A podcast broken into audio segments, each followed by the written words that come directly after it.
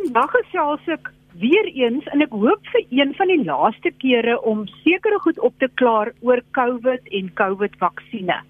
My gas vandag is professor Glenda Gray. Sy is president van die Suid-Afrikaanse Mediese Navorsingsraad en 'n groot kenner op vaksines. Om die waarheid te sê, sy is internasionaal bekend vir haar kennis oor vaksines. Baie welkom professor Gray. Um good morning. Ja, professor Gray. Goeiemôre professor Gray gaan in Engels gesels want dit is net makliker om dit baie vlot te laat verloop. Professor Gray, wat is die jongste inligting oor die effektiwiteit van die Johnson & Johnson en veral die Pfizer-vaksin en dan wil ek sommer die AstraZeneca ook bybring in terme van COVID uh, of dit COVID voorkom en of dit hospitalisering en sterftes voorkom.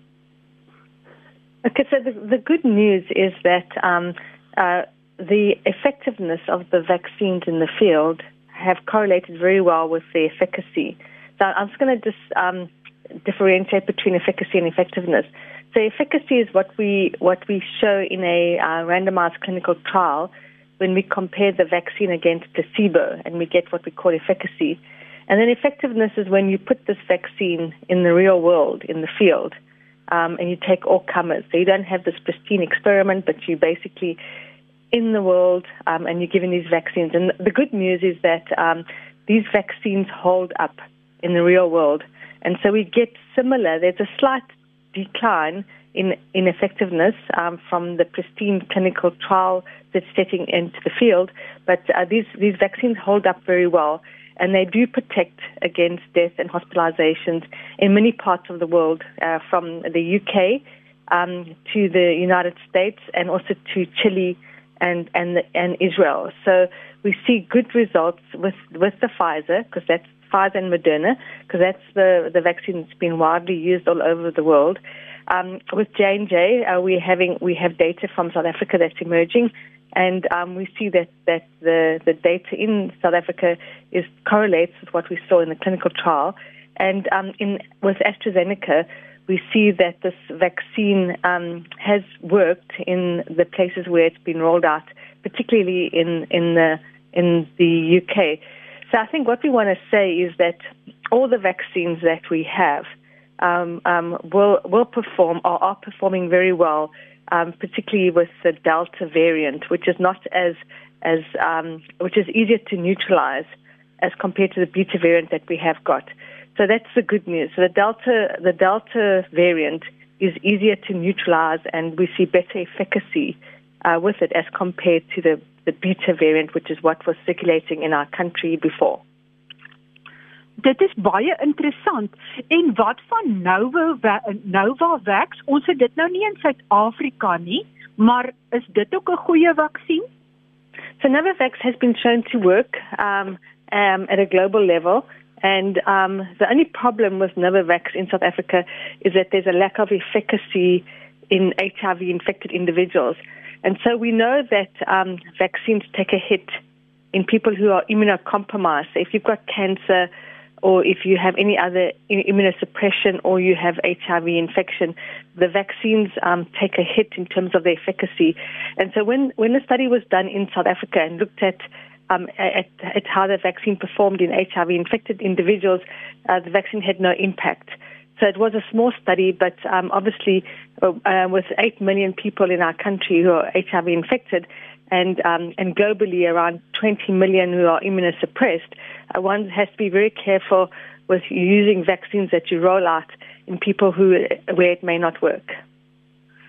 Dan wil ek sommer onmiddellik vra, met ander woorde as iemand kanker het of HIV of enige immuunonderdrukkende siekte of iets wat met auto-immuunrespons te doen het, is dit 'n kontra-indikasie vir COVID-vaksin soos Pfizer of Johnson & Johnson? Moet daai mense wegbly van die vaksin of moet hulle juis die vaksin kry? Never. Okay, so people who are immunocompromised and people who are HIV infected um, will have adverse outcomes if they get COVID infection. And so it's critical that um, even though there may be a drop off in efficacy, is that people who are HIV infected and who have cancer or, or immunosuppressed get vaccines. Um, it's very important uh, that they get it. Uh, some vaccines perform better um, with with with cancer and immunosuppression um, as compared to others. The uh, but overall, um, in terms of, of cancer and HIV, you need to get a vaccine. You might need to get booster shots after your first or second shot. The vaccine, the Ad26 vaccine, works very well. The J and J vaccine works very well with immunosuppression because you get good CD4 and good CD8 T cell responses. Um, and the data from um, from the uh, Pfizer um, also shows, although a reduction in efficacy, it, it, it shows that that these vaccines still work. So it's not a contraindication. It's important. You may need booster shots. You may need to to um, speak to your doctors about which is the best vaccine to get. But definitely, you you you more than anyone else needs to get a vaccine. Professor, en dan wat wat weet ons van Sputnik en Sinovac, die Russiese en die Chinese vaksines? Okay, so the Sinovac vaccine um, was was well studied in Chile, and that showed around a 50% vaccine efficacy. So not as as potent as some of the other vaccines like Pfizer, Moderna, AstraZeneca, and J and J, but but still not too shabby uh, as a 50% vaccine efficacy if you've got no other choices. So, so um, what we will have to do with with Sinovac is evaluate it in South Africa when it gets when it's rolled out to make sure that um, we understand its efficacy. Or it might be a vaccine we might want to mix and match with. That you give the first shot of Sinovac and then you you boost it with um, a, a another vaccine uh, like the Pfizer. The Sputnik is is like the J and J because it has two components. It has the Ad26 component and then also a boost with what we call an AD5.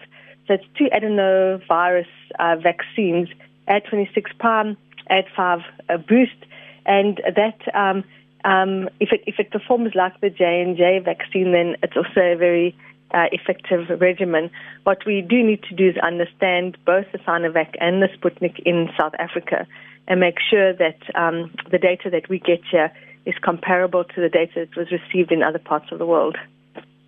Okay, but Julius Malema would probably volunteer to be in that study group. Well, I think it would be very important uh, for people who um, wanted the the vaccine to be first in the queue to get it. Okay. Um, then um, dan wil ek baie graag weet, hoe groot verskil maak dit as jy net een shot gehad het, sê maar van Pfizer en jy het later 'n booster shot? Maak dit 'n groot verskil in hoe vatbaar jy dan is vir ernstige siekte of vir hospitalisasie en sterfte. So these vaccines uh, start to work after the first dose. So we do see um, effectiveness after the first dose, and um, which which then improves after the second dose. A, a space between the, the first shot and the second shot um, is also important because it will help um, uh, with the immune response. So we do know that the the uh, wait between um, your first and second shot is good because it allows your your immune system to proliferate and and mature, um, and that's an important thing. So. So um, even with the J and J vaccine, um, we've seen that even after um, uh, 56 days, the immune response is just getting better and be- better after the single shot and that's even after eight months of receiving the one shot of the J and J, there's still um, um, good immune um, response and good durability of the vaccine, and also good durability against the Delta. So, so these vaccines um, do have good durability, and even if the sing- if you get a single shot, um, with the B cell maturation and the, the maturation of your immune response, um, the um, the the the response um, your immune response just gets better and better. Professor, hoe verklaar jy die verskil in teenliggaamreaksie of dit wat hulle meet nadat jy COVID gehad het om uh, die teenliggame en die immuunrespons na 'n uh, vaksin? Is die immuunrespons na 'n vaksin baie beter as wat jy ge uh, gekry het nadat jy bloot COVID gehad het? Okay, that's a good question. So, uh, a COVID infection is like the prime or like your first shot of a vaccine. So it primes your immune system. And then when you get a um, a shot of the COVID vaccine, um, you you get you get very good immune responses. So you get great depth and magnitude and breadth of your immune response. And in some parts of the world, if you've had COVID infection before, um, you, you, they only give you one vaccine, so like a Pfizer or something, because the it's almost as like you've had uh, the the prime and the boost or the first and the second dose. So the uh, we see better efficacy of the vaccines um, after um, someone who, who has had COVID gets a, a shot of the vaccine. Um, it works even better against the next um, the next variant and protects you. So um, so having a, a vaccine after you've had a a COVID infection is important because it, it increases the durability and the magnitude of your immune response. So, um, so, so please do that. Please do make sure you get your vaccine um, after you've had COVID infection. En hoe lank nadat jy herstel het van COVID moet jy gaan vir jou shot? I say, and Sisonke, the the Sisonke study said, um, uh, we said 28 days after your last symptom. So if you've um, went were in hospital and you've been sick, and um, you should count 28 days after you leave hospital or 28 days after your symptoms disappear, because that'll that's a nice space between um, the infection and your vaccine. So at least 28 days. Um, we've had people who've had vaccinated that were vaccinated while they had COVID because they didn't know they had COVID, and that was fine. And we've had people who've been vaccinated 14 days after COVID because um, the vaccination program was coming to an end and they didn't want to take the chance of not being having a vaccine. But um, a good rule of thumb is, is 28 days. Um, sometimes, obviously, to be if you if the vac, if the vaccination rollout is coming and you don't want to you, you don't, don't want to miss it, you live in a rural place or in a village, um, you might uh, let the the vaccinating center know that you recently have had COVID and let them make a an assessment um, of it. And sometimes it's probably even better if if you're not going to be able to get back to a, a place is to rather have the vaccine than not. Goed, en dan maak dit saak of mens die tweede vaksin dieselfde is as die eerste een. Kan mens mix and match? Well, I think as because of the global shortages and because um, you know we might not always have the same vaccine supply in the country, um, data will emerge around mixing and matching. And mixing and matching um, obviously is, is, important, but obviously what you what you start off with and what you boost with um, is very important. And so we know from uh, from from studies coming from England is that if you prime with a Pfizer and you boost with an AstraZeneca, you get beautiful immune responses. And if you prime with a Pfizer and you boost with a Pfizer, you also get beautiful immune responses. But if you get a Pfizer first and then you and then you boost with a, a, a AstraZeneca, your immune response is not that good.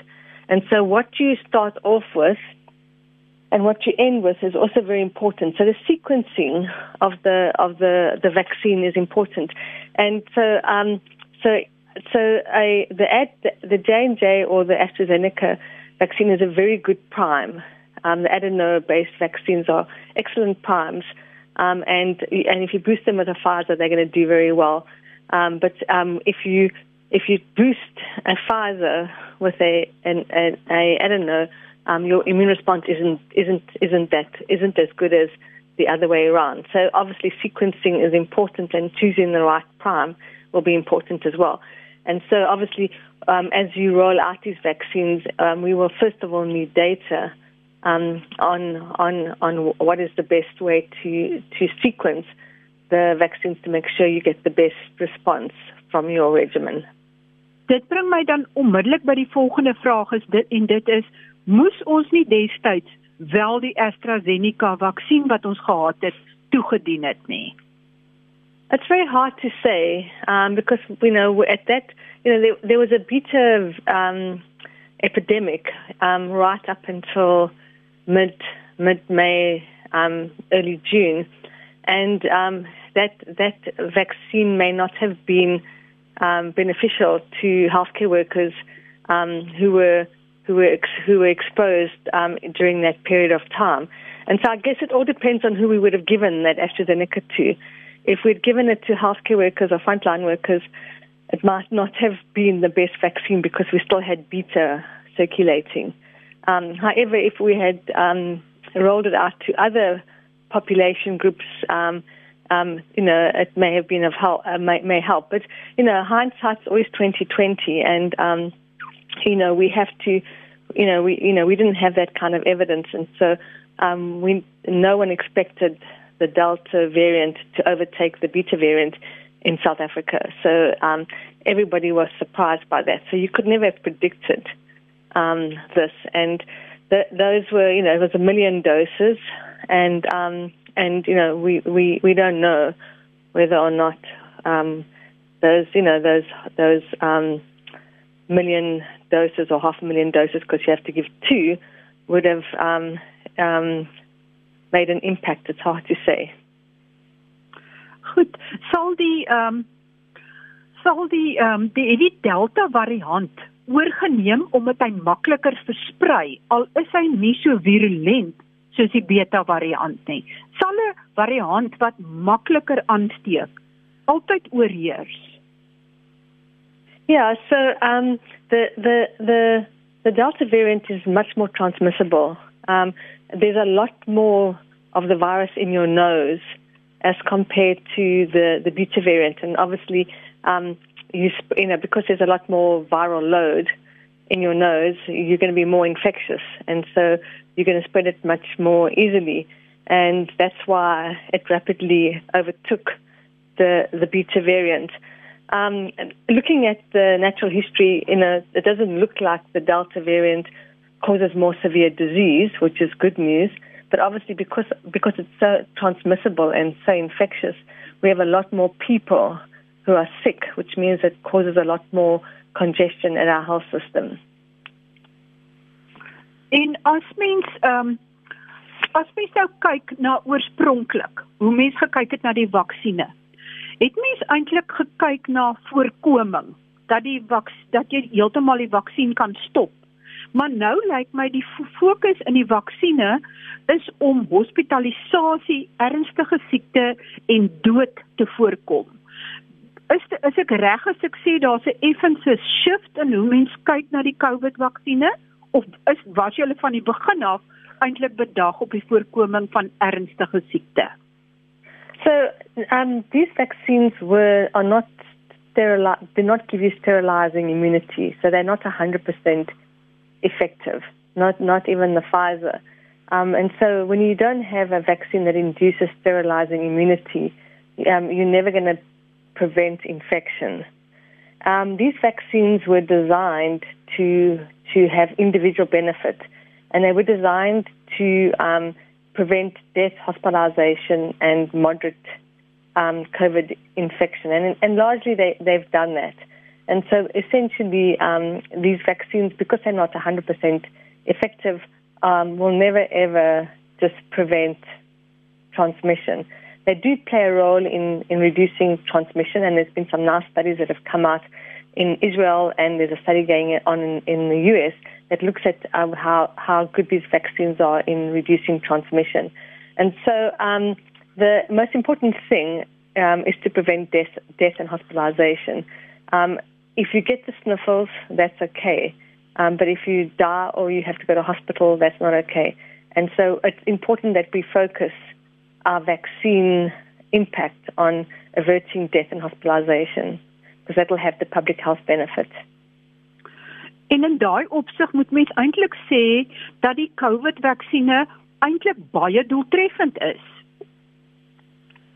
The the the vaccines are very important because um what we want to do is we want to impact on on the public health um impact of of COVID and that's to try and keep the hospitals open and to prevent death and dying. Um South Africa has been ravaged um, by by COVID, and we've seen lots of death and hospitalization. And so, if we can keep the hospitals open for other diseases, then the vaccine has done its job. Professor, en dan waar pas herd immunity? Kudde immuniteit, waar pas dit in? Hoe hoeveel mense of wanneer sal ons so iets bereik of is dit eintlik nie bereikbaar nie? But it's hard to say. I mean, I think what we have to look at is what are the benefits of vaccination and how long does it take to, to get herd immunity. And so, first of all, there's an individual benefit for vaccination, which is to keep you out of hospital and stop you from dying. Okay, then there's an impact on transmission, which is evolving. The more people you vaccinate, um, the more impact you'll have on ongoing transmission, and then indirectly you will you will start to control the the um, the virus in your community. And the third, the third reason is, is an economic reason. The more people you vaccinate, um, the more restaurants can stay open and the more um, we can keep, keep our economy going. The more workers we vaccinate, the better for um, the minds and the better for the economy. The more teachers we can vaccinate and school children, um, the better we can safeguard our academic year and make sure we don't um, have another epidemic of poverty after COVID is finished. And then the question is like herd immunity. And so there's a lot of benefits of vaccination. Um, and con- to control a virus um, is, is, first, is first and foremost your objective. And eventually one gets to a stage where you get herd immunity. But herd immunity might only occur um, years from now. And our job now is to control the, the virus and try and make sure that um, it doesn't impact on the the life that we have. You know, the, it, improves the life um, as as we know it now, and things get better. So, um, you know, um, herd immunity um, is a is is is when we get total total when we can totally eradicate or eliminate a, a virus from our our globe, and, and that's going to take a long time to do that because it's a, a global um, endeavor, not just a local endeavor. Because if you don't, um, if you know, if you vaccinate one country or one city and you don't vaccinate another country or city, um, variants will evolve um, and will spread to the, the area where um, people are vaccinated. So it's, it's critical that we that we um, we make sure that um, we rapidly vaccinate um, our country, our continent, and the globe as quickly as possible to try and eventually get to the stage where we can control um, viral spread and then go for elimination and eradication. Professor, daar is tog nog steeds baie mense wat sê hulle is bang vir die vaksin. Hulle wil nie gevaksinereer wees nie, maar die maar die vaksines is nou al op miljoene mense in die wêreld toegedien. Kan mens al uit hierdie data uit sê dat die vaksin werklik veilig is?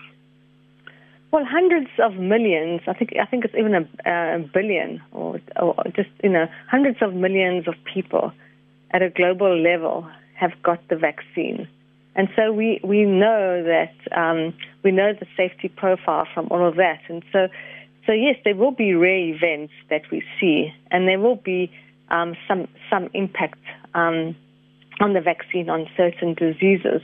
Um, but all in all, you know, if we if we want to um, eradicate SARS-CoV-2 from our globe, the only way we're going to do it is is through through vaccination programs. And so um, it's important to to look at the risks and benefits. But very soon, um, uh, we already seen that um, vaccines will become mandatory in the workforce. Um, if you have to keep your workforce open, people have to get vaccinated if we want to make sure that we don't destroy the academic year, teachers have to be vaccinated. And so we have to make sure that we follow. You know, if the Americans can get vaccinated and the Europeans can get vaccinated and the British can get vaccinated, um, then why we as South Africans uh, don't want to be vaccinated? It doesn't make any sense. You know, we'll be isolated at a global level. We won't be able to travel. We won't be able to integrate into society. So um, I don't understand the reluctance and the hesitancy of South Africans to vaccinate when other countries um, have saturated their populations with vaccines and are seeing the benefits. We see in in in, in England um, amongst the elderly, you know, tens of thousands of lives that have been saved um, with vaccinations. So why on earth uh, would we not want our granny or ourselves to be vaccinated? Ja, dit boggle die mind. dat baie mense nog nie uh, hulle wil laat vaksineer nie. Net 'n laaste baie vinnige vraag, is die Delta Plus, Lambda of Gamma variante al in Suid-Afrika of net ja of nee? At this moment in time, um, we we we we see predominantly Delta. Um, there is a you know the the um, the the the trouble we had last last week with the insurgency um, has has has made is has, has caused a delay in um, our analysis of the variants um, in the last in the last two weeks.